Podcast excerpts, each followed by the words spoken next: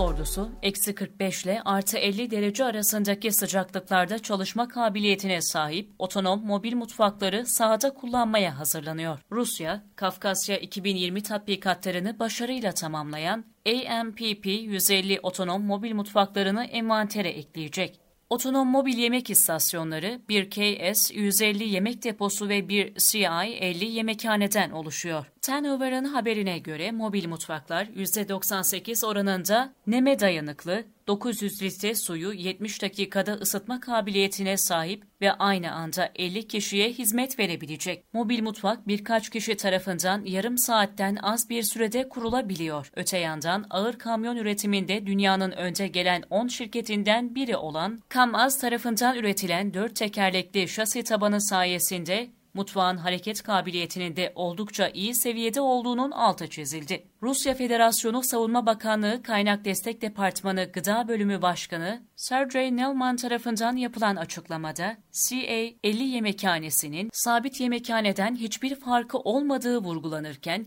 Mutfakta havalandırma ve iklimlendirme sistemlerinin de bulunduğu ifade edildi. Saklama biriminin askeri personelin 5 günlük yemek ihtiyacına ek olarak 1000 litreye yakın su taşıma imkanı sağladığı bilgisi kamuoyuyla paylaşılırken, mutfağın kızartma fırını, sıcak hava buharlı fırını, buzdolapları ve pişirme bloğuna sahip olduğu açıklandı. Ayrıca askeri personelin istediği yemeği uzaktan kumandayla seçebileceğinin ve otonom mutfağın yemeği hazırlayacağının altı çizildi. Nilman Rusya'nın üslerden uzakta görev yapan askerlerine ne kadar büyük bir konfor sağladığını vurguladı. Haberde tüm bu gelişmelerin yaşanmasında ordunun özel şirketlerle çalıştığı belirtilirken, menülerin uzmanlar tarafından besin değerleri ve kalorilerine dikkat edilerek oluşturulduğu bilgisine yer verildi.